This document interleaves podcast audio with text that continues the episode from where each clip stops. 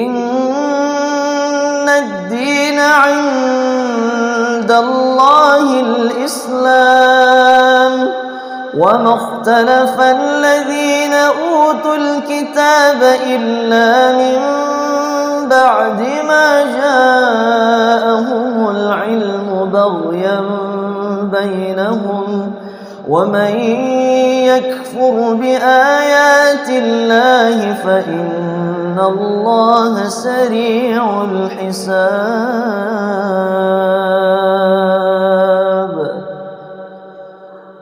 Baik, untuk menyingkat waktu, kita akan langsung mulai saja kepada kajian kita sore hari ini kepada Bapak Ustadz Aminur Baiz. Uh, Tafadol Ustadz. Nah, jazakum khairan. Assalamualaikum warahmatullahi wabarakatuh. Alhamdulillahi rabbil alamin. Alhamdulillahi rabbil alamin.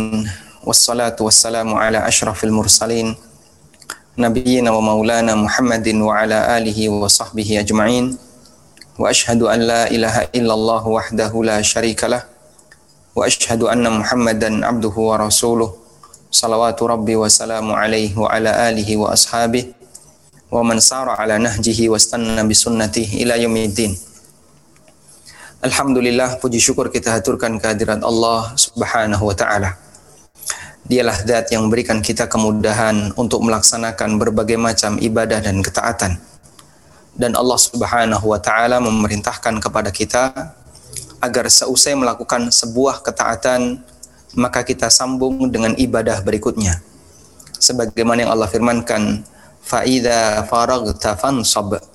Fa'idza faragta, apabila kamu sudah selesai melakukan ibadah, fansab, maka tetaplah istiqamah, tancapkan dirimu untuk terus melakukan ibadah. Sehingga kita bisa lihat bahwa setiap amal ibadah yang wajib yang ada dalam syariat kita diiringi oleh Allah Subhanahu wa taala dengan ibadah sunnah ba'diyah atau sunnah setelahnya. Baik yang bentuknya salat maupun yang bentuknya puasa, termasuk juga yang bentuknya zakat, haji, demikian pula umroh. Sehingga setiap ibadah wajib yang ada dalam syariat kita diiringi oleh Allah Subhanahu wa taala dengan ibadah sunnah. Agar seseorang seusai melakukan ibadah yang wajib, sementara dia masih memiliki kerinduan untuk terus memperpanjang ibadahnya, dia masih memiliki keinginan untuk memperpanjang ketaatannya, maka dia bisa kerjakan bagian yang sunnah. Dan salah satu di antara manfaat ketika seorang hamba melaksanakan ibadah yang sunnah, maka bagian yang sunnah itu akan menjadi penutup dari setiap kekurangan yang dia kerjakan selama dia melaksanakan ibadah yang wajib. Dan kita meyakini bahwa setiap kita melakukan ibadah yang wajib atau hampir semua ibadah yang kita lakukan pasti ada kekurangannya. Makanya Nabi Shallallahu Alaihi Wasallam begitu seusai sholat beliau beristighfar, Astagfirullah, Astagfirullah, Astagfirullah. Allahumma antas salam wa minkas salam tabarak tayaddal jalali wal ikram. Kenapa beliau beristighfar seusai sholat? Padahal ketika dalam sholat tentu saja seorang mukmin tidak bermaksiat. Tapi kenapa begitu selesai sholat kita justru disyariatkan untuk istighfar? Sebagian ulama mengatakan ini sebagai bentuk tawaduk seorang hamba di hadapan Allah Ta'ala. Dia memohon kepada Allah Subhanahu wa Ta'ala ampunan di saat dia selesai melakukan ibadah karena dia menyadari ibadah yang dia kerjakan, ketaatan yang dia kerjakan penuh dengan kekurangan. Karena itulah jamaah yang dimakan Allah Subhanahu wa taala. Ketika kita melaksanakan sebuah ibadah, kita mengakui ibadah kita ini masih penuh dengan kekurangan. Kita menyadari ibadah kita ini masih banyak yang keliru, masih banyak yang salah, ditambah lagi banyak pelanggaran yang kita lakukan di dalamnya. Maka sebagai bentuk penyempurnaannya adalah kita perbanyak istighfar kepada Allah, memohon ampun kepada Allah, dan yang kedua kita iringi dengan ibadah sunnah. Baik, di kesempatan kali ini kita akan membaca beberapa catatan tentang puasa Syawal dan di sini saya siapkan ada 11 catatan. Yang ini saya simpulkan dari uh, sebuah tulisan yang di diunggah oleh Syekh Dr. Abdul Aziz Ar-Rais hafizahullah taala berjudul Ashru Masail fi Saumi Sitti min Syawal. 11 catatan tentang puasa 6 hari di bulan Syawal.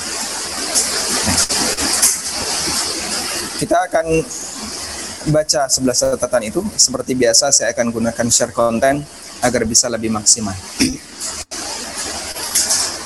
Jamaah yang dimakan Allah Subhanahu wa taala.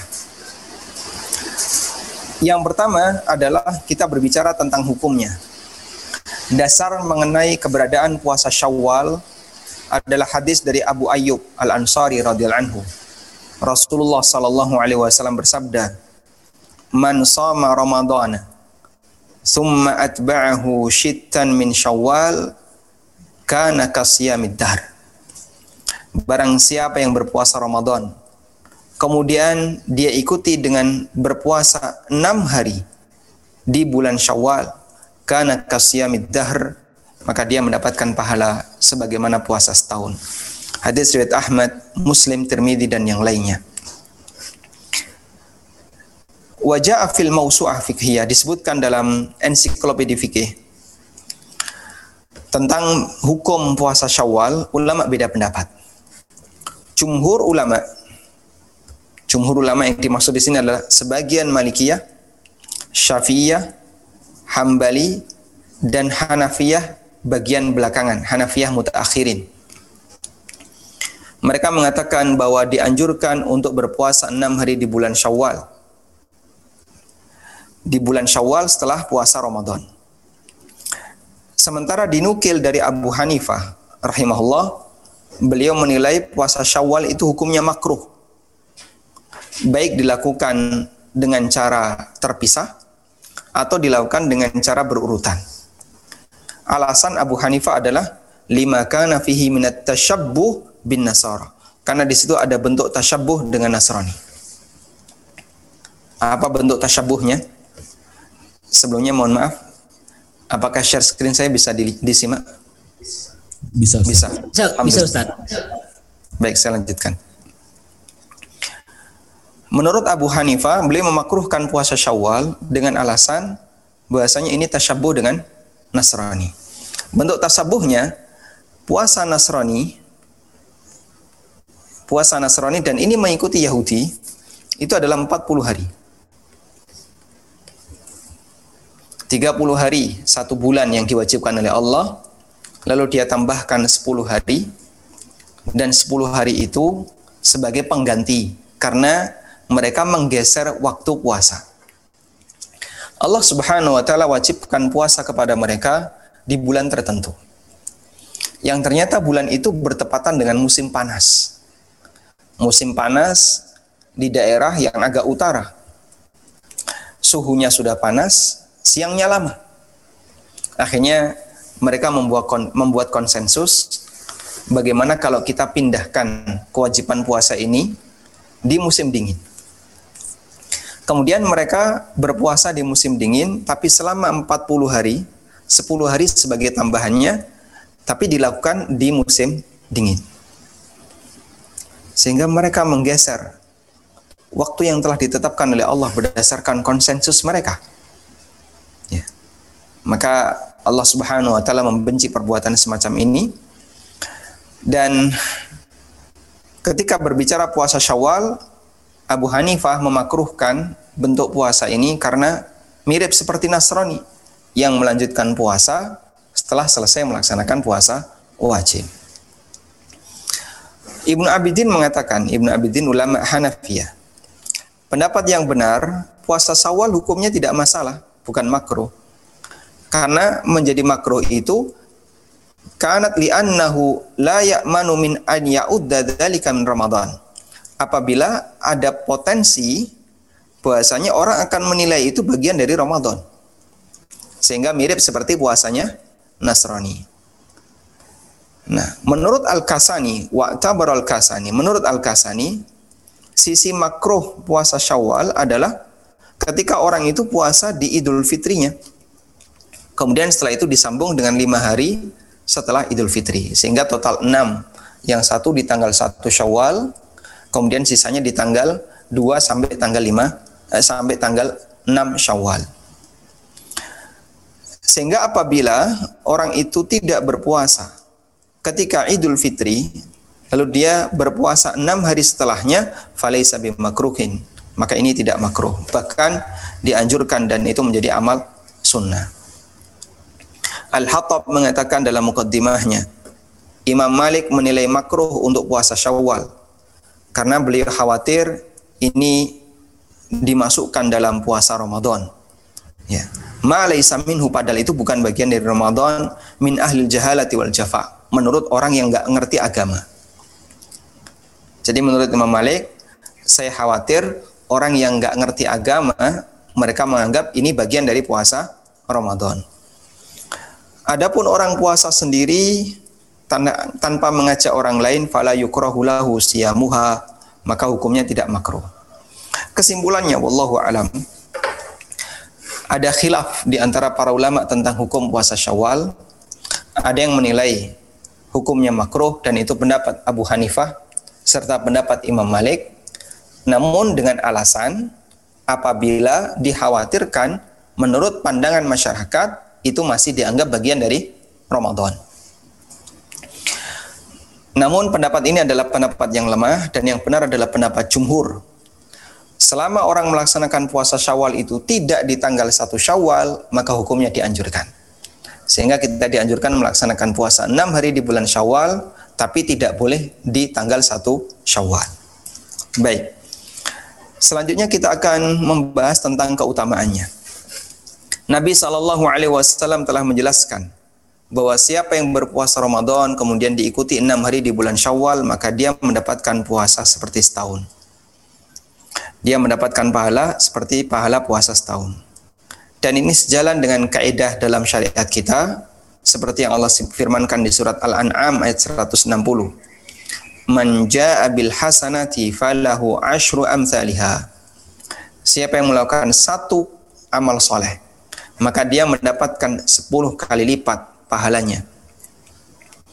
Wa man jaa bis sayyi'ati fala yujza illa mithlaha wa hum la yudlamun Sedangkan siapa yang melakukan satu perbuatan maksiat, dia tidak dibalas kecuali yang semisal dengan itu dan mereka tidak didolimi.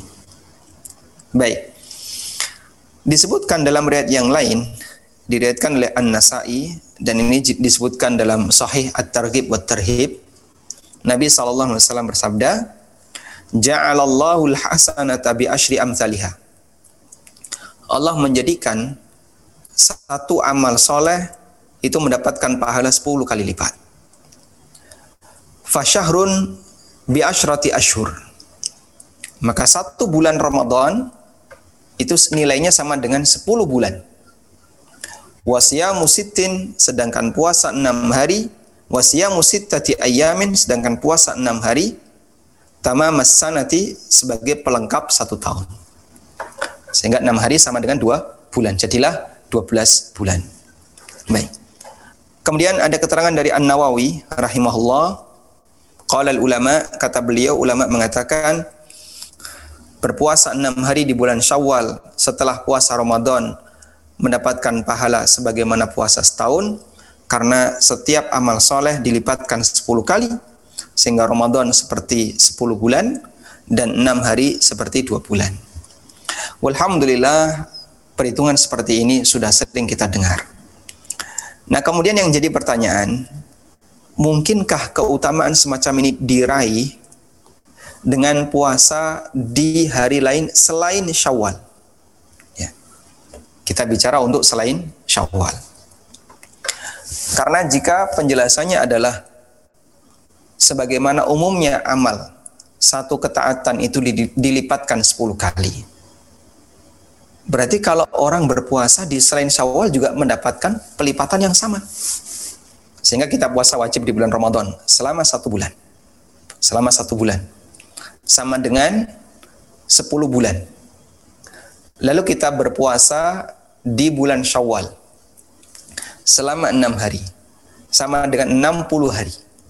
Berarti kalau puasa di bulan-bulan yang lain, di bulan Dhul atau di bulan Dhul atau di bulan-bulan yang lain kan sama juga nilainya juga sama dilipatkan 10 kali ya. lalu bisa nggak orang itu berpuasa satu bulan Ramadan, lalu dia puasa sunnah enam hari, tapi tidak di bulan Syawal.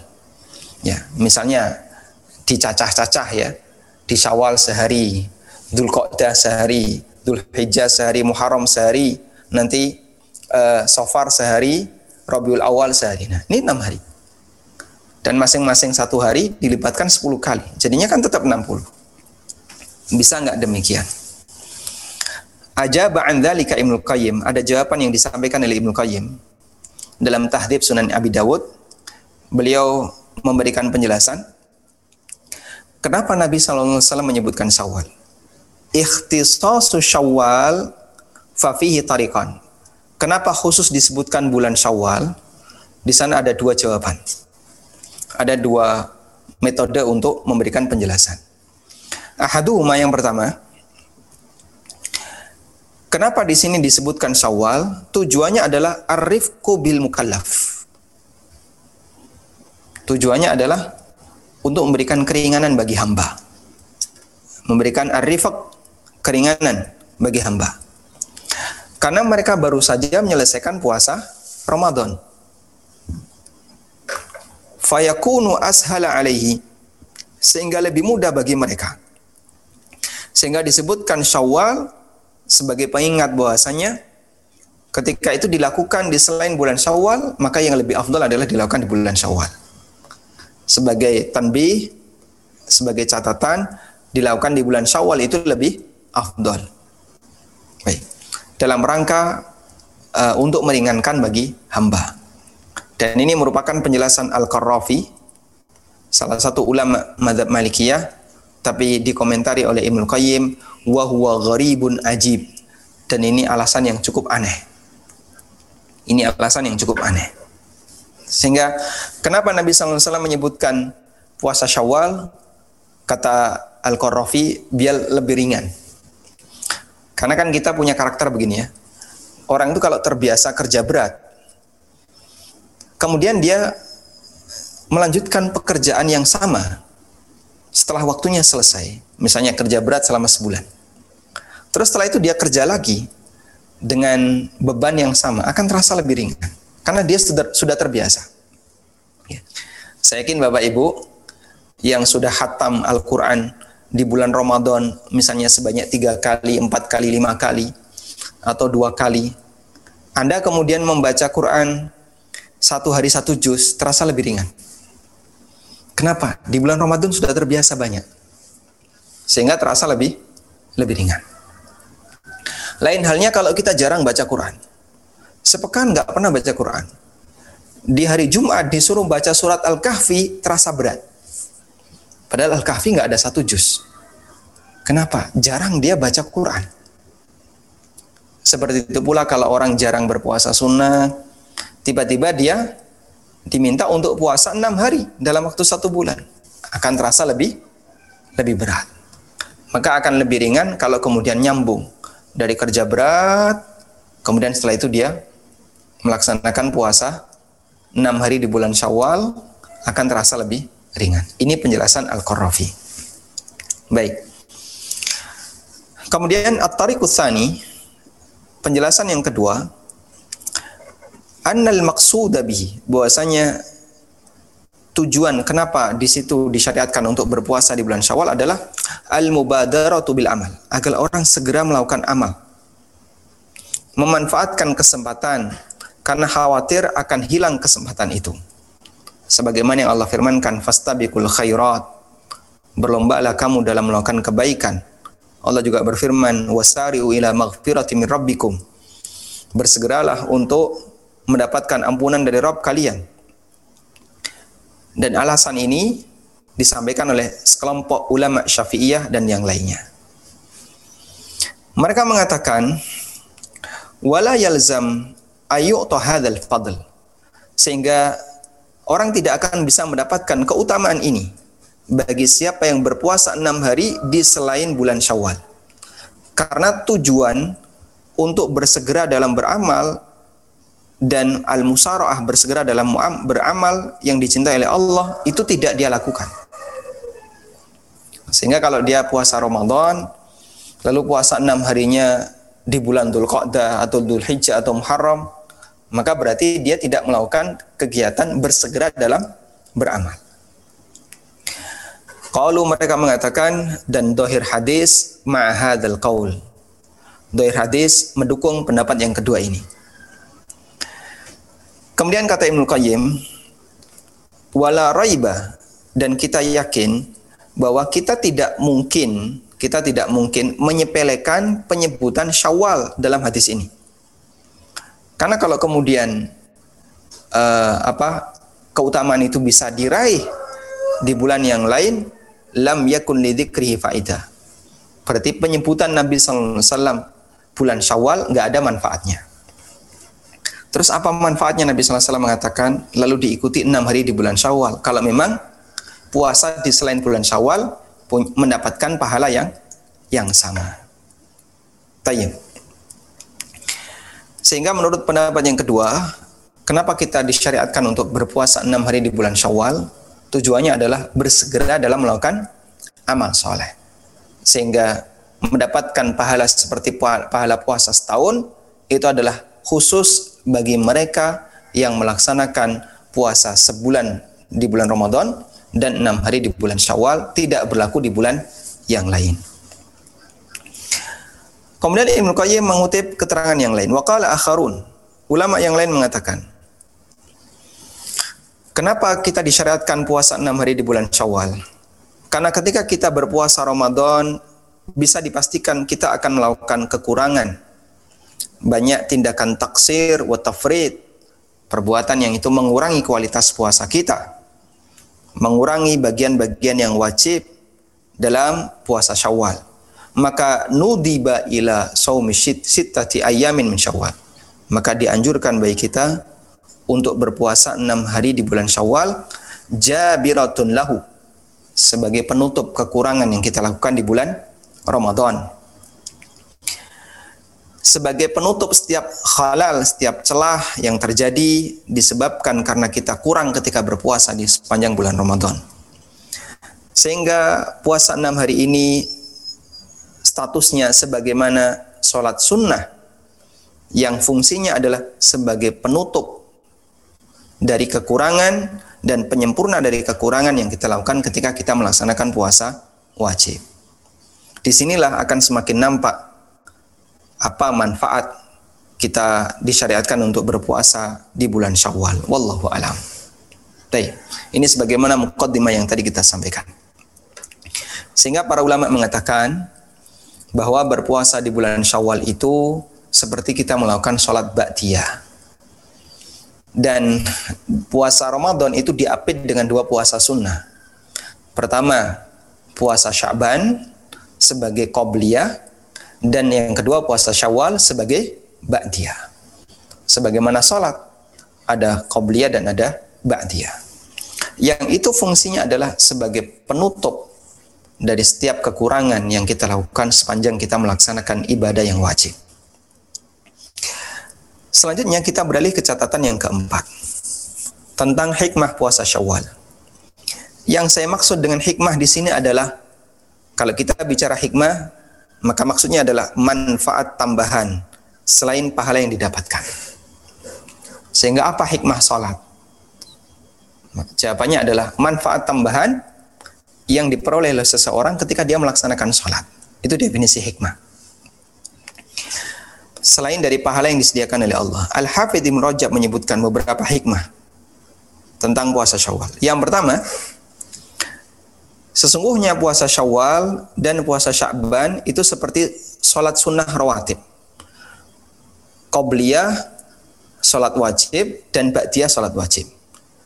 Sehingga dia menjadi penyempurna terhadap kekurangan yang terjadi ketika orang melaksanakan bagian ibadah yang wajib. Karena al-faraid, setiap ibadah yang wajib, itu bisa disempurnakan dengan ibadah yang sunnah kelak di hari kiamat. Sebagaimana yang disebutkan dalam hadis tentang proses hisap salat. Allah Subhanahu wa taala ketika menghisap salat seorang hamba, maka Allah bertanya kepada malaikat saat salatnya itu kurang. Hal lahu min tatawwu?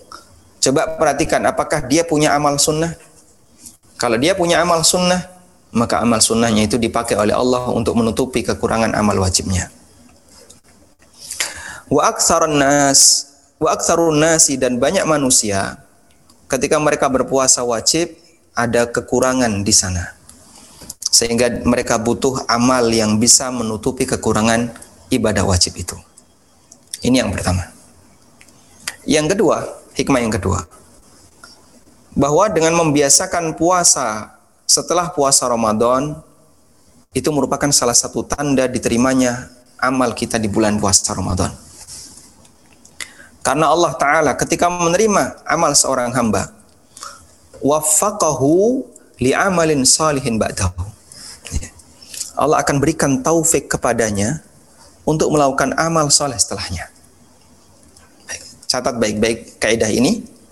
Kama qala ba'duhum sebagaimana ulama mengatakan Sebagian ulama mengatakan sawabul hasanati al hasanatu ba'daha.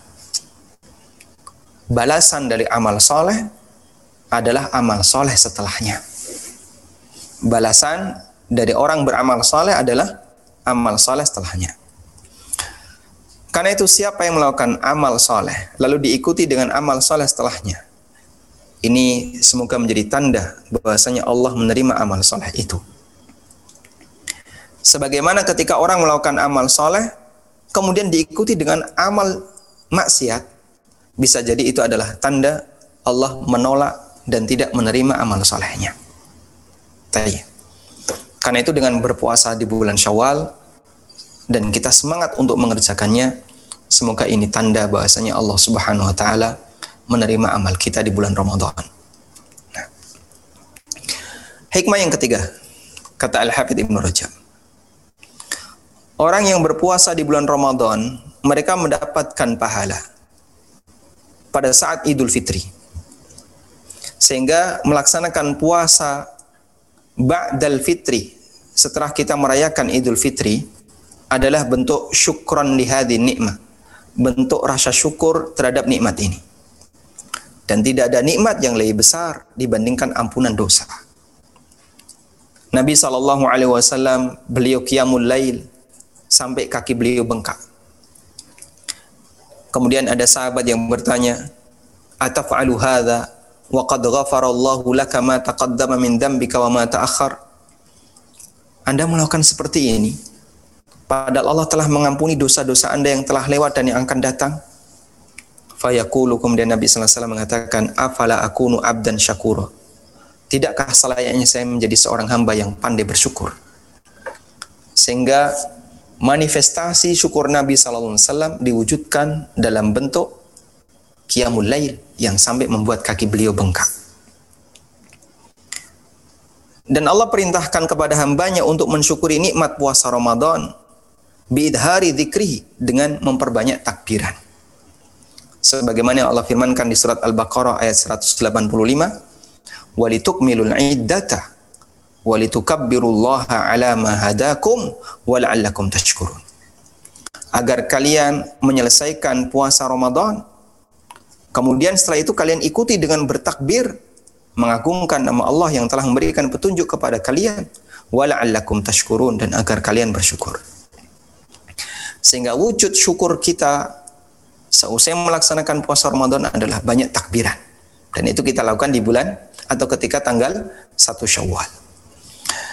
Maka bagian dari syukur seorang hamba kepada Robnya adalah dia diberi taufik untuk berpuasa Ramadan. Ditolong, dimudahkan untuk berpuasa Ramadan, diampuni dosanya. Maka sudah selayaknya dia berpuasa di bulan Syawal, syukran akibat dalika sebagai bentuk syukur setelah dia mendapatkan semua nikmat itu.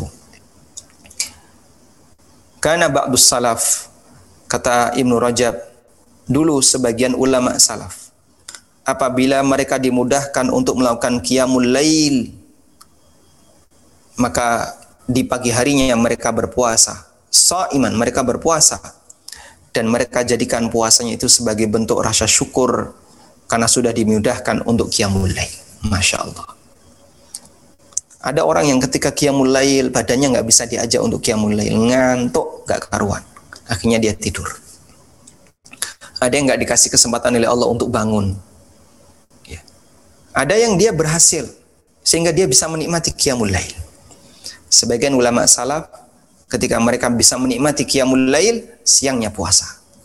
Sebagai bentuk rasa syukur kepada Allah Subhanahu wa taala karena sudah dimudahkan untuk qiyamul lail. Uhaib Ibn Warad pernah ditanya tentang pahala amal seperti tawaf dan yang lainnya. Fayaqulu lalu beliau mengatakan, La tas'alu an thawabihi. Kamu nggak perlu tanya tentang pahala pahala dari amal itu.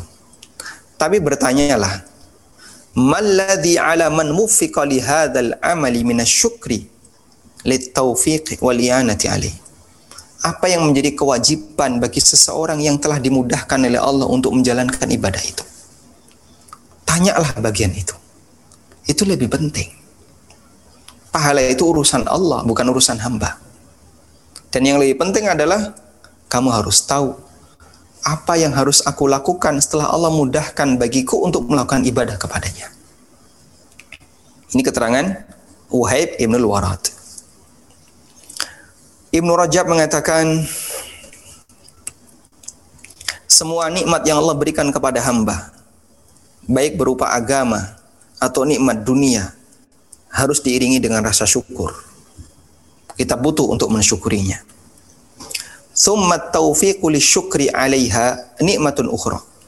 Kemudian ketika orang mendapatkan kemudahan untuk bersyukur, itu adalah nikmat yang lain yang butuh untuk disyukuri. Syukur yang kedua.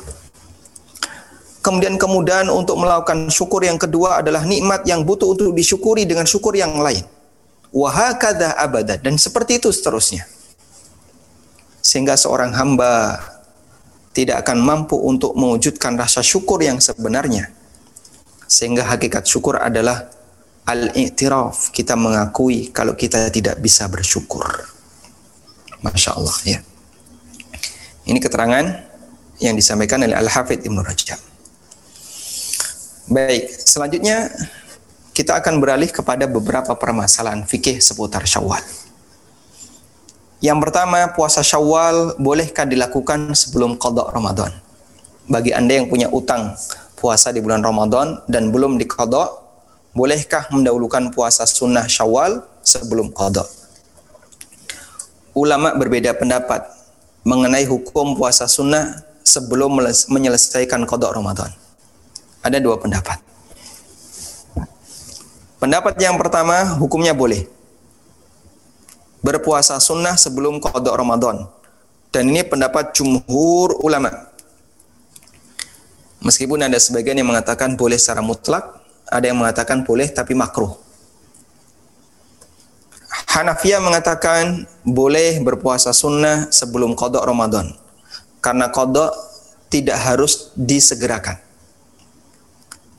Namun kewajiban kodok itu adalah wajib muasa, wajib yang longgar. Sebagaimana Aisyah radhiyallahu beliau mengkodok di bulan Sya'ban.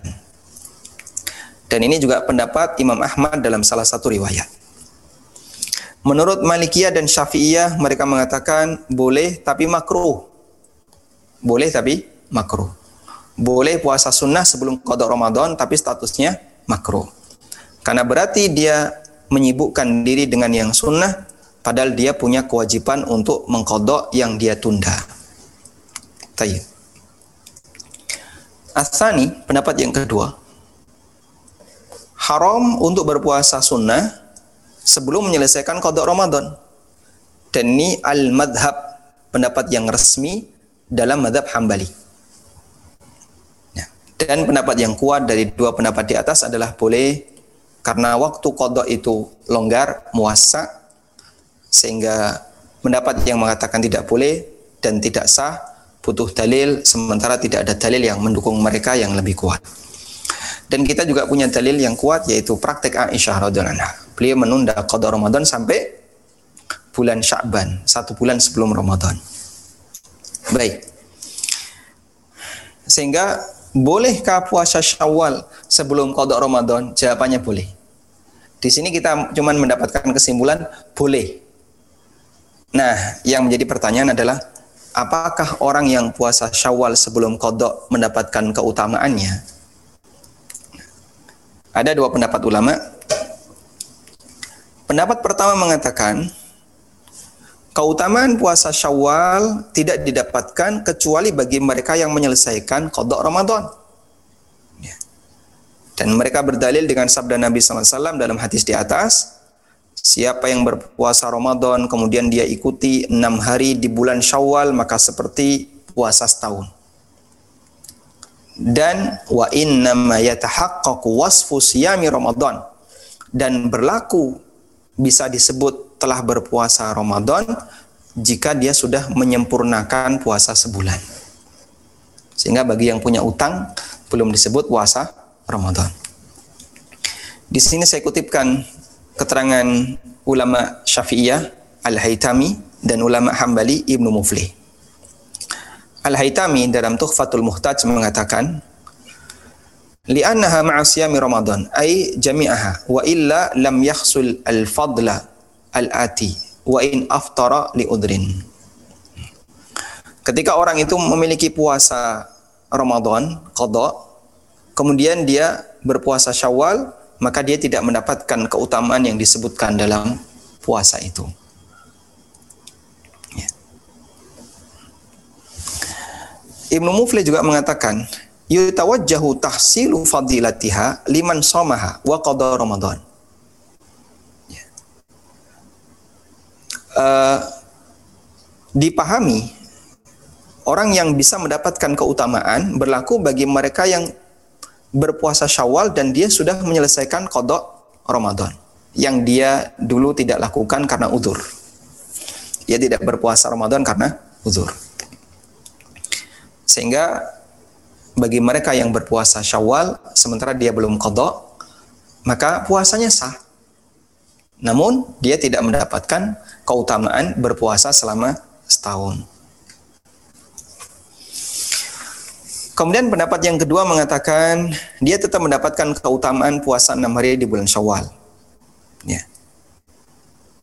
Meskipun dia punya utang puasa Ramadan. Karena dia utang puasa Ramadan, disebabkan udur dan orang yang tidak berpuasa di bulan Ramadan disebabkan udur berarti dia masih bisa disebut telah menyelesaikan puasa Ramadan. Tapi pendapat ini adalah pendapat yang lemah dan yang lebih mendekati adalah pendapat di atas bahwa siapa yang berpuasa Syawal padahal dia belum menyelesaikan puasa Ramadan maka uh, apa? Dia tidak mendapatkan keutamaan meskipun puasanya sah menurut pendapat jumhur ulama. Selanjutnya, catatan yang ketujuh. Bolehkah menggabungkan puasa Syawal dengan puasa qadha? Ulama beda pendapat dalam masalah ini. Sehingga niatnya double ya. Misalnya ada ibu-ibu yang punya utang puasa Ramadan karena haid selama enam hari. Di bulan Syawal sekalian kodok enam hari plus niat syawal. Pendapat pertama tidak boleh. Tidak boleh menggabungkan niat puasa kodok dengan puasa sunnah yang lainnya. Sebagaimana tidak boleh menggabungkan niat puasa Ramadan dengan puasa sunnah lainnya. Selama satu bulan Ramadan, kita melewati Senin Kemis berapa kali? Banyak kali ya. Ya kurang lebih uh, delapan Senin Kemis. Ya, Senin pertama, Kemis pertama, Senin kedua, Kemis kedua, kurang lebih delapan hari. Boleh nggak Pak? Kita puasa Ramadan plus niat Senin Kemis. Kan itu melewati Senin Kemis. Jawabannya nggak boleh. Kenapa? Ramadan fokus Ramadan. Anda jangan niatkan dengan puasa sunnah yang lain. Maka seperti itu pula kodok. Ketika ada kodok, maka jangan dinebeng dengan puasa sunnah yang lain. Baik. Dan ini sebagaimana yang difatwakan dalam fatwa Syabaka Islamiyah, orang yang punya kewajiban kodok Ramadan atau puasa kafaro atau yang lainnya, maka tidak boleh digabung dengan puasa sunnah dalam satu niat. Karena masing-masing puasa wajib dan puasa sunnah adalah ibadah tersendiri yang berdiri sendiri. Sehingga tidak bisa digabungkan dengan yang lain. Wala tahtaha. Ya. dan itu bukan turunannya. Karena itu tidak sah untuk menggabungkan puasa wajib dengan puasa sunnah dalam satu dalam satu ibadah. Tayyib. Ini pendapat yang pertama. Pendapat yang kedua. Boleh menggabungkan niat puasa sunnah dan niat puasa wajib selama puasa sunnah itu tidak memiliki kaitan. Mohon dicatat ini ya. Tidak memiliki kaitan dengan puasa wajib. Sehingga puasa sunnah itu ada yang punya kaitan dengan puasa wajib, ada yang tidak punya kaitan. Yang punya kaitan contohnya apa? Syawal. Makanya Nabi SAW mengatakan, siapa yang puasa Ramadan, lalu diikuti enam hari di bulan Syawal. Berarti dia punya kaitan dengan puasa Ramadan. Dan ini pendapat Imam Ibn Zaimin. Tapi kalau puasa sunnahnya nggak punya kaitan seperti puasa Arafah, puasa Ashura, Senin Kemis dan yang lainnya, maka dia boleh digabung dengan puasa wajib, puasa qadha. Baik. Beliau mengatakan siapa yang puasa Arafah atau Ashura dan dia punya qadha Ramadan, lalu dia berpuasa qadha dengan bertepatan dengan Arafah dan Ashura, sah. Fasyamuhu sahih. Puasanya sah. Namun kalau dia niatkan untuk berpuasa di hari itu untuk kodok Ramadan, hasolalahul ajron, dia mendapatkan dua pahala. Pahala puasa Arafah dan pahala puasa Ashura di samping juga pahala puasa kodok. Kata beliau, ini berlaku untuk puasa sunnah mutlak yang tidak ada kaitannya dengan Ramadan. Sedangkan puasa enam hari di bulan Syawal, maka ini berkaitan dengan Ramadan. Ini tidak boleh dilakukan kecuali setelah menyelesaikan kodok Ramadan. Sehingga jika ada orang yang berpuasa Syawal sebelum menyelesaikan kodok Ramadan, maka dia tidak mendapatkan pahala puasa Syawal. Baik. Di sini juga ada keterangan Ar-Ramli, ulama Syafi'iyah, kalau ada orang yang berpuasa di bulan Syawal ya, sebagai kodok atau untuk nadar atau yang lainnya, ya, au fi nahwi yaumi Asyura atau dia puasa wajib di bulan di hari Asyura, maka dia mendapatkan pahala puasa sunnah.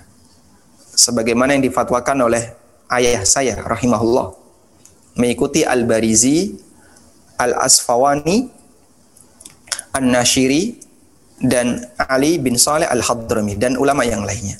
Namun dia tidak mendapatkan pahala sempurna dari uh, al-murattab al matlub dari pahala puasa sunnahnya. Nah, sehingga maksud beliau begini. Kalau ada orang yang berpuasa qadha bertepatan dengan Ashura, bertepatan dengan uh, apa? dengan uh, puasa Arafah, puasanya sah sebagai kodok dan sebagai puasa sunnah itu sah dua-duanya. Sebagaimana pendapat uh, jumhur yang tadi sudah kita sampaikan ya. Namun menurut Ar-Ramli dia tidak mendapatkan keutamaan yang disebutkan dalam hadis terkait puasa Ashura dan puasa Arafah. Baik. Tapi kalau menurut Imam Ibn Utsaimin, mereka dapat keutamaannya. Tapi khusus untuk Syawal nggak dapat. Karena Syawal itu Ramadannya harus sempurna dulu, baru dia boleh puasa enam hari di bulan Syawal. Sehingga bagi orang yang ingin berpuasa enam hari di bulan Syawal, dia selesaikan puasa Ramadannya, baru berpuasa enam hari di bulan Syawal. Nah, catatan berikutnya, Bolehkah menggabungkan puasa Syawal dengan Senin Kamis? Terdapat kaidah mengatakan idza tahada jinsul ibadatain. Apabila ada dua ibadah yang sejenis. Wa ahaduhuma muradun lidzatihi. Yang satu muradun lidzatihi. Yang satu berdiri sendiri harus ada fisiknya. Dan yang satu laisa muradan lidzatihi yang satu nggak harus ada tersendiri, maka kedua ibadah ini tatada khalan bisa digabungkan. Ya. Karena orang itu mendapatkan sesuatu sebagaimana yang dia niatkan. Wa inna malikul limri'in manawa. Orang mendapatkan sesuatu sebagaimana yang dia niatkan. Baik. Sehingga kalau ada orang puasa Syawal, dia tepatkan setiap Senin Kamis. Senin puasa, Kamis puasa, Senin puasa, Kamis puasa. Selama di bulan Syawal. Maka dia dapat pahala ganda puasa Syawal dan Senin Kamisnya. Karena Senin Kemis puasa sunnah, Syawal puasa sunnah, yang itu dua-duanya bisa digabungkan. Kalau kodok kenapa tidak bisa Pak? Kodok menurut fatwa syabaga Islamiyah tidak bisa. Digabungkan dengan puasa sunnah yang lain. Karena puasa wajib tidak boleh digabungkan dengan puasa sunnah. Tapi kalau menurut Imam Ibn Utsaimin, kemudian juga ulama Syafi'iyah Ar-Ramli, Ar-Ramli ini bergelar Syafi'i Asghar, Imam Syafi'i kecil. Mereka mengatakan boleh menggabungkan antara puasa wajib kodok dengan puasa sunnah. Cuman tidak mendapatkan keutamaan dari puasa sunnah tersebut. Tayyip. Tapi kalau sunnah dengan sunnah yang dua-duanya bukan ibadah atau salah satunya bukan ibadah yang harus ada tersendiri seperti Senin Kemis. Artinya pokoknya yang penting Senin puasa. Kemis puasa. Maka ketika itu digabungkan dengan puasa Syawal, orangnya mendapatkan pahala ganda. Wallahu alam. Baik. Catatan yang kesembilan dianjurkan untuk menyegerakan puasa Syawal. Dan ini pendapat yang benar. Dianjurkan untuk mulai puasa Syawal setelah Idul Fitri, mubasyaratan secara langsung.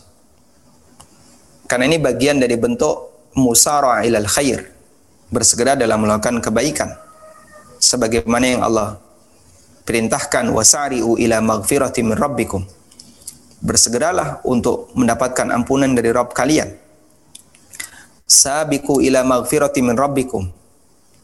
Bersegeralah untuk mendapatkan ampunan dari Rabb kalian.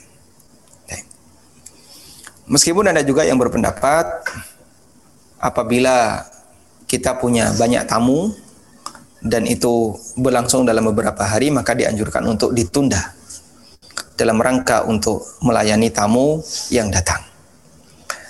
Namun wallahu alam pendapat yang lebih mendekati adalah uh, dianjurkan untuk bersegera masalah melayani tamu itu tidak disyaratkan atau kita tidak diwajibkan untuk apa?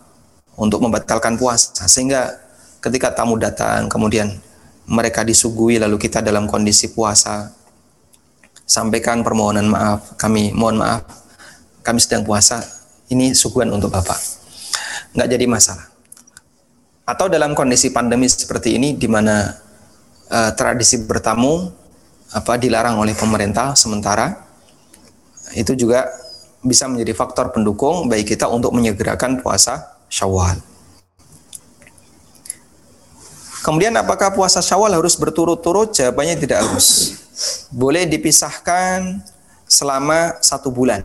Yang penting pokoknya di rentang bulan Syawal. Wala yalzamu tatabu. Tidak harus dilakukan secara ber, berturut-turut. Karena Nabi Shallallahu Alaihi Wasallam menyampaik, menyampaikannya dengan kalimat mutlak, yaitu puasa enam hari di bulan Syawal. Dan beliau tidak mengatakan mutatabian, harus dilakukan secara berturut-turut. Catatan yang terakhir, yang ke-11. Bolehkah puasa Syawal itu niatnya ditunda atau niatnya harus sebelum subuh? Ada sebuah hadis Nabi SAW bersabda, "Malam yubayyid asyam." Siapa yang belum berniat puasa sebelum sebelum subuh, fala siyamalahu maka tidak ada puasa baginya. Hadis riwayat Nasai. Namun untuk puasa sunnah, Nabi Wasallam pernah berniat setelah masuk waktu duha, sehingga beliau niat di siang hari.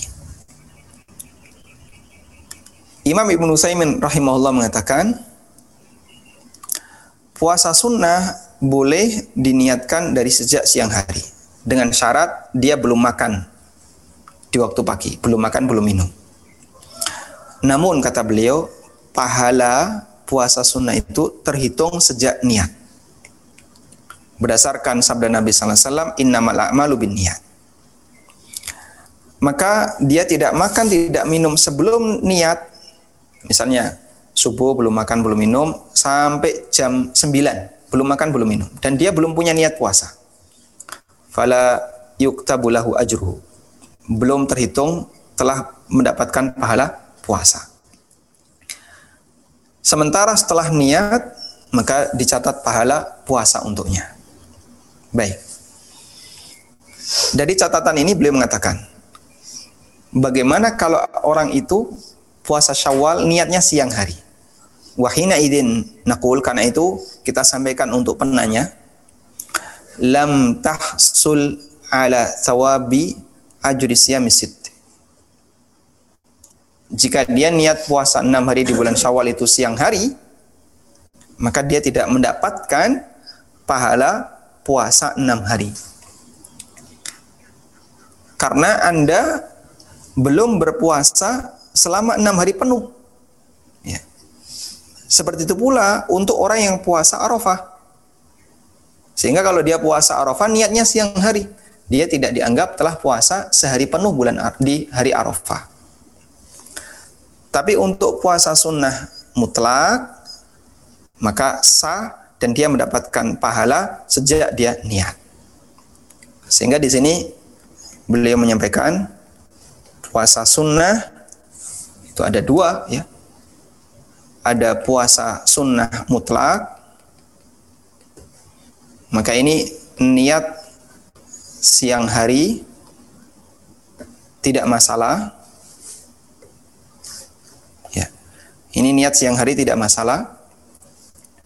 Yang kedua adalah puasa sunnah karena sebab. Puasa sunnah tertentu. Maka ini harus penuh sehari. Penuh selama sehari sehingga niat harus sebelum subuh. Sebelum subuh harus punya niat. Sebagaimana puasa wajib. Dan puasa sawal masuk di sini. Dia punya sebab yang disebut oleh Nabi SAW sebagai puasa hari tertentu. Syawal, Arafah, Ashura. Maka itu puasa tertentu, puasa punya sebab dia harus diniatkan sejak sebelum subuh. Wallahu taala alam. Demikian yang bisa kita sampaikan. Semoga bermanfaat. Wassallallahu ala nabiyina Muhammadin wa ala alihi wa sahbihi wasallam. Baik. Jazakallah khairan Ustadz untuk uh, pemaparan materinya yang sangat jelas dan bermanfaat Ustadz. Uh, Alhamdulillah uh, insya Allah bagi seluruh sahabat Lunar bisa uh, memahami hukum, keutamaan dan hikmah dari puasa Syawal. Baik Ustaz, saya rasa kita akan langsung masuk ke dalam uh, sesi tanya jawab. Alhamdulillah kita sebenarnya sudah banyak. Jam, kita sampai jam 5.15 ya. Baik, baik Ustaz. Baik. Ya, sebenarnya pertanyaan sudah banyak sekali Pak Ustadz. Namun uh, ketika Pak Ustadz membahas satu persatu fikih dan beberapa pertanyaan sudah terjawab. Namun ini ada beberapa pertanyaan yang mungkin masih memerlukan penjelasan lebih lanjut. Pertanyaan pertama Pak Ustadz uh, dari Ikhwan. Assalamualaikum Ustadz, terima kasih atas materi yang sangat bermanfaat. Izin bertanya, bila puasa itu adalah syariat umat terdahulu, mengapa saat ini kita tidak melihat umat Nasrani secara umum melakukan puasa? Jazakallah khairan Ustaz. Waalaikumsalam warahmatullahi Pertama, kita tidak punya kepentingan dengan orang Nasrani dalam kaitannya dengan ibadah mereka. Sehingga kalau mereka melakukan pelanggaran dan seterusnya, kenapa kok mereka melakukan pelanggaran itu? Yaitu urusan mereka. Dan banyak sekali perintah Allah yang dulu berlaku bagi para nabi sebelumnya. Yang ternyata itu tidak diikuti oleh para pengikutnya. Sehingga mereka yang mengaku pengikutnya Musa, mereka yang mengaku pengikutnya uh, Nabi Isa alaihissalatu wassalam, mereka tidak komitmen dengan apa yang diajarkan oleh para nabi itu. karena banyak pelanggaran yang terjadi pada diri mereka. Kemudian yang kedua, kita sebagai muslim tidak tahu banyak dengan praktek yang mereka lakukan. Sehingga kenapa kita tidak melihat orang Nasrani berpuasa? Wallahu alam bisa jadi mereka berpuasa, tapi kita tidak tahu. Dan saya sendiri juga nggak ngerti. Kita misalnya sama-sama tidak punya pengalaman menjadi Nasrani. Sehingga kita tidak tahu pengikut gereja Advent itu amaliyahnya apa saja. Pengikut gereja apa A amaliyahnya apa saja. Kita kan tidak ngerti. Aliran Nasrani Ortodok itu amaliyahnya apa saja kita tidak ngerti. Bisa jadi mereka melakukan ibadah A, B, C, tapi kita tidak tahu. Karena itu betul bahasanya puasa itu diwajibkan oleh Allah kepada umat-umat sebelum kita. Tapi kenapa kok orang di zaman sekarang mereka tidak melakukannya?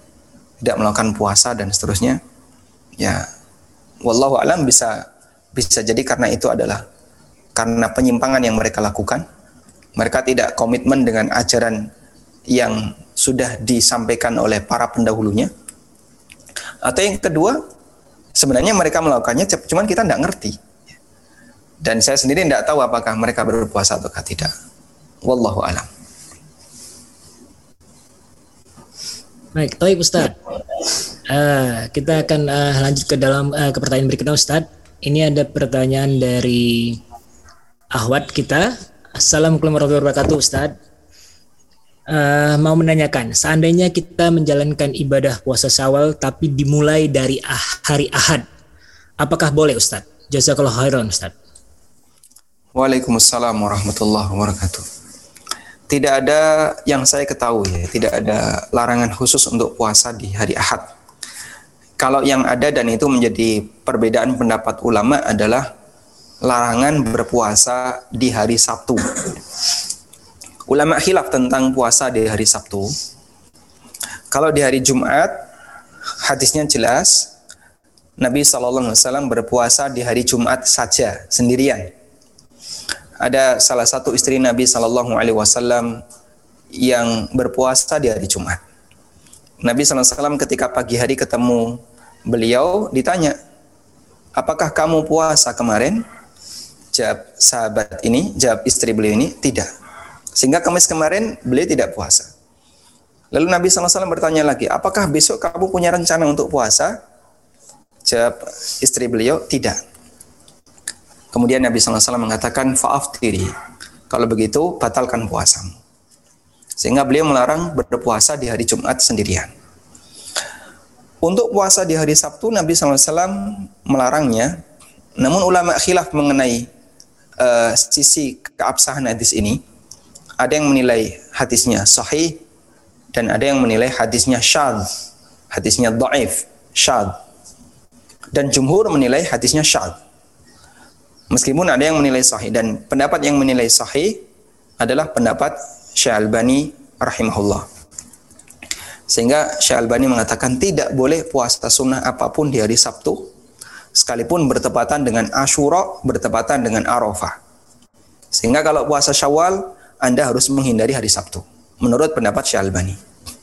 Tapi jumhur ulama mengatakan boleh berpuasa di hari Sabtu. Sedangkan hadis yang menyebutkan tentang Larangan berpuasa di hari Sabtu adalah hadis yang syad. Hadis yang nyeleneh gitu. Dan hadis syad termasuk salah satu di antara hadis yang daif. Pada waktu sidang Dewan Fatwa Al-Irsyad uh, yang waktu itu saya ikut diundang untuk hadir, salah satu di antara topik yang dibicarakan adalah masalah ini. Yaitu hukum berpuasa di hari Sabtu. Kemudian ada dua sisi pertimbangan di situ Pertama, pertimbangan dari sisi uh, ilmu riwayah, yaitu membahas tentang keabsahan hadisnya. Kemudian di situ dipaparkan mengenai keabsahan hadisnya ada khilaf antara ulama A dan ulama B. Dan khilaf itu terjadi di antara para ahli hadis, bukan antara ahli hadis dengan ahli fikih. Kemudian yang kedua adalah dari sisi ilmu dirayah, kesimpulan fikih yang jumhur ulama bahkan jamahir ulama mengatakan bahwa puasa di hari Sabtu hukumnya diperbolehkan dengan dalil tadi Nabi SAW ketika bertanya kepada istri beliau yang puasa di hari Jumat ah, atau sumi dan apakah kamu akan berpuasa besok? Kemudian sang istri mengatakan tidak. Jawab Nabi sallallahu alaihi wasallam, "Fa'aftir." Kalau begitu batalkan puasamu. Berarti boleh berpuasa di hari setelah Jumat itu apa? Sabtu. Boleh berpuasa di hari Sabtu.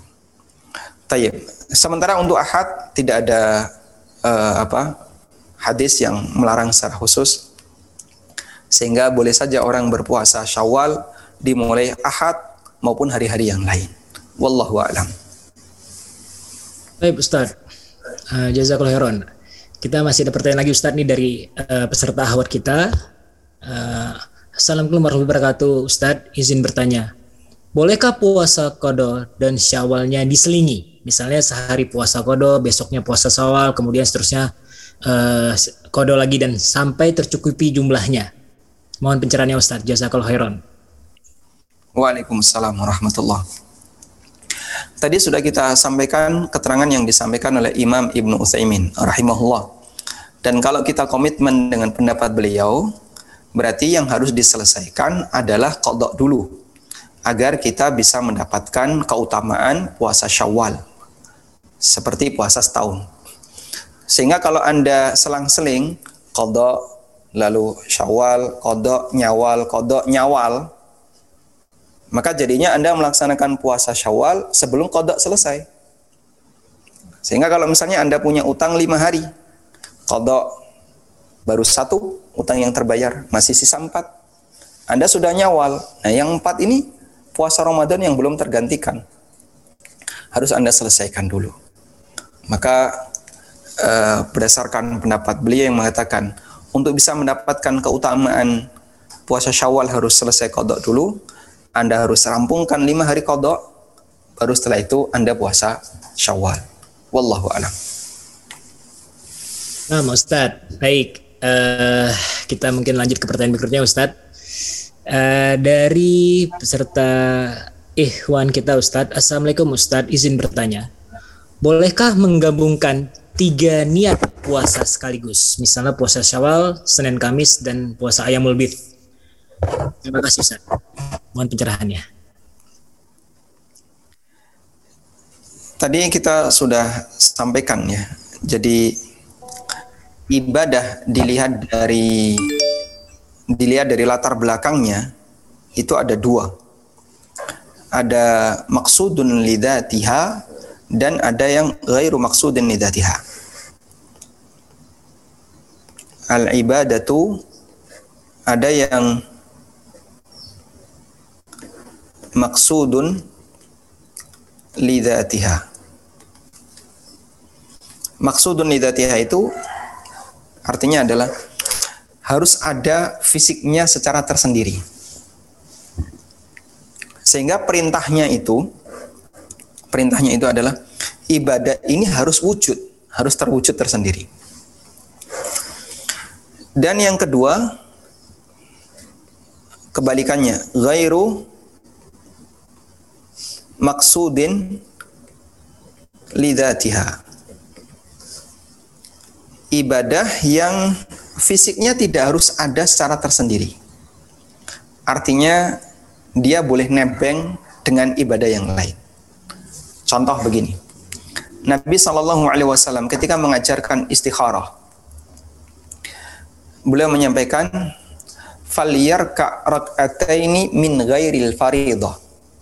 Kerjakan dua rakaat yang bukan salat wajib ketika beliau mengajarkan istikharah, kerjakan dua rakaat yang bukan sholat wajib. Berarti apa artinya? Sholat istikharah itu bisa dilakukan gabung dengan semua sholat sunnah. Yang penting pokoknya dua rakaat yang bukan sholat wajib. Sehingga tahiyatul masjid sambil istikharah bisa nggak? Bisa. Sholat rawatib, qobliyah atau ba'diyah sambil istikharah bisa nggak? Bisa. Yang penting pokoknya dua rakaat ya selain yang wajib. Itulah yang dimaksud ibadah yang dia ghairu maksud lidatiha. Sehingga tujuannya bukan ada fisik ibadah itu, yang penting pokoknya adalah kamu mengerjakan yang seperti itu. Terserah mau gabung dengan apa pun terserah. Ya. Ibaratnya begini ya. Pokoknya uh, bapak makan, gitu ya. Pokoknya makan. Makan apa? Ya terserah pokoknya makan. Mau makan siang, mau makan, mau sarapan, makan siang, makan malam, yang penting pokoknya makan. Itu berarti ghairu maksudin lidatiha. Anda minum obat setelah makan. Makan apa Pak? Ya pokoknya makan. Beda dengan gini. Ini syaratnya satu Pak ya. Minum obat harus setelah makan malam. Berarti kalau dia minum obat setelah sarapan, memenuhi kriteria enggak? Oh jangan, nanti bisa meledak obatnya. Yang boleh itu makan obat ini setelah makan malam. Nah itu baru tidak meledak. Gitu ya. Sehingga kalau ada orang yang minum obat setelah makan siang, nggak fungsi itu obat. Maka seperti itu pula. Ada ibadah yang pokoknya kamu lakukan dua rakaat gitu aja. Nah contoh yang lain adalah tahiyatul masjid. Rasulullah SAW mengatakan, "Idza dakhala ahadukumul masjid, fala yajlis hatta yarka'a rak'atain." Kalau kamu masuk masjid, jangan duduk sampai sholat dua rakaat. Sholat dua rakaat ini apa? Ya terserah. Yang penting kan jangan duduk sampai sholat dua rakaat. Sehingga dia ketika masuk masjid, qobliyah. Qobliyah kan dua rakaat. Plus sekaligus tahiyatul masjid. Bisa. Nah yang seperti ini, laisa atau ghairu maksudin lidatiha. Baik. Nah, terus untuk puasa, Pak. Puasa itu ada yang maksudun lidatiha. Dan di antara puasa yang maksudun lidatiha, semua amal wajib itu maksudun lidatiha, semua yang wajib. Semua amal wajib. Baik puasa, sholat maupun yang lainnya. Terus yang sunnah. Nah, yang sunnah itu ada yang maksudun lidatiha, ada yang gairu maksudun lidatiha. Yang maksudun lidatiha apa contohnya? Contohnya adalah Syawal. Karena Nabi SAW mengatakan selesai Ramadan dia berpuasa enam hari di bulan Syawal. Berarti harus ada fisik puasa enam hari di bulan Syawal. Contoh yang lain Arafah. Contoh yang lain Ashura.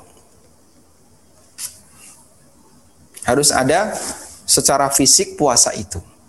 Makanya Imam Ibn Utsaimin rahimahullah mengatakan untuk puasa-puasa ini niatnya harus sebelum subuh.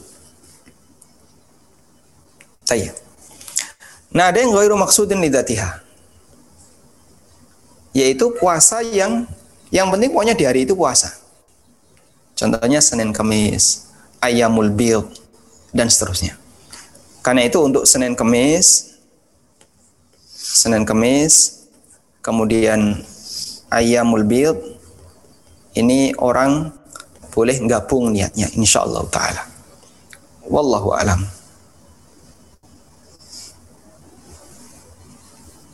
Baik Ustaz. Baik, uh, mungkin satu pertanyaan lagi Ustaz ya sebelum kita Ya, silakan, Pak. Uh, mungkin pertanyaan terakhir Ustadz, ini dari ikhwan kita juga. Assalamualaikum Ustadz. Uh, bolehkah pahala puasa syawal diniatkan untuk orang tua yang sudah meninggal Ustadz? Jazakallah khairan Ustadz. Waalaikumsalam warahmatullah. Nabi Shallallahu Alaihi Wasallam bersabda, "Man mata wa alaihi saum, sauma anhu waliyuhu."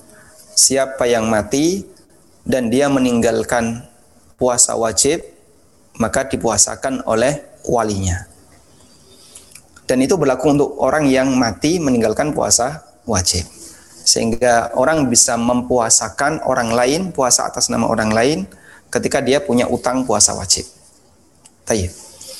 Nah, apakah ini berlaku untuk puasa sunnah? Wallahu alam berarti ini bentuknya adalah bentuknya adalah dia menghadiahkan pahala puasa sunnahnya untuk yang sudah meninggal dunia. Nah, kemudian apakah eh, mendapatkan keutamaan itu? Mendapatkan keutamaan sebagaimana disebutkan dalam hadis itu berlaku jika dia melakukan rangkaian, yaitu puasa Ramadan satu bulan, lalu diikuti enam hari bulan Syawal. Nah itu orang yang sudah meninggal apakah puasa Ramadan juga? Oh iya, kemarin beliau puasa Ramadan. Sehingga beliau meninggal tepat di tanggal satu Syawal. Ya. Ada salah satu dosen saya ya, dosen pembimbing yang beliau meninggal di tanggal 2 Syawal ya, Pak Tri Agung Rahmat itu. Meninggal di tanggal 2 Syawal. Sebelumnya sehat-sehat saja, tidak ada indikator apa pun. Beliau puasa sebulan penuh, kemudian di tanggal 2 Syawal beliau meninggal dunia. Rahimahullah rahmatan wasi'ah. Kemudian bisa nggak kita berpuasa Syawal atas nama beliau? kembali kepada khilaf yang terjadi di antara para ulama, bolehkah kita menghadiahkan pahala amal untuk selain yang disebutkan dalam hadis? Yang disebutkan dalam hadis itu sedekah, kemudian uh, umroh haji, kemudian puasa wajib, orang yang punya puasa wajib, dan dia mati dalam kondisi punya utang puasa. Nah untuk selain itu apakah bisa? Ada khilaf di antara ulama dan wallahu alam kalau kita mengikuti pendapat Hambali dan juga pendapat Hanafiyah dalam masalah ini uh, mereka mengatakan bisa sehingga pahala amal itu bisa dihadiahkan kepada mayit maka juga berlaku dalam hal ini insya Allah dalam pendapat menurut pendapat mereka tapi kalau kita komitmen dengan pendapat Syafi'iyah dan Malikiyah yang mengatakan tidak bisa dan tidak sah maka praktek seperti ini tidak di tidak bisa dan tidak diperbolehkan. Wallahu alam.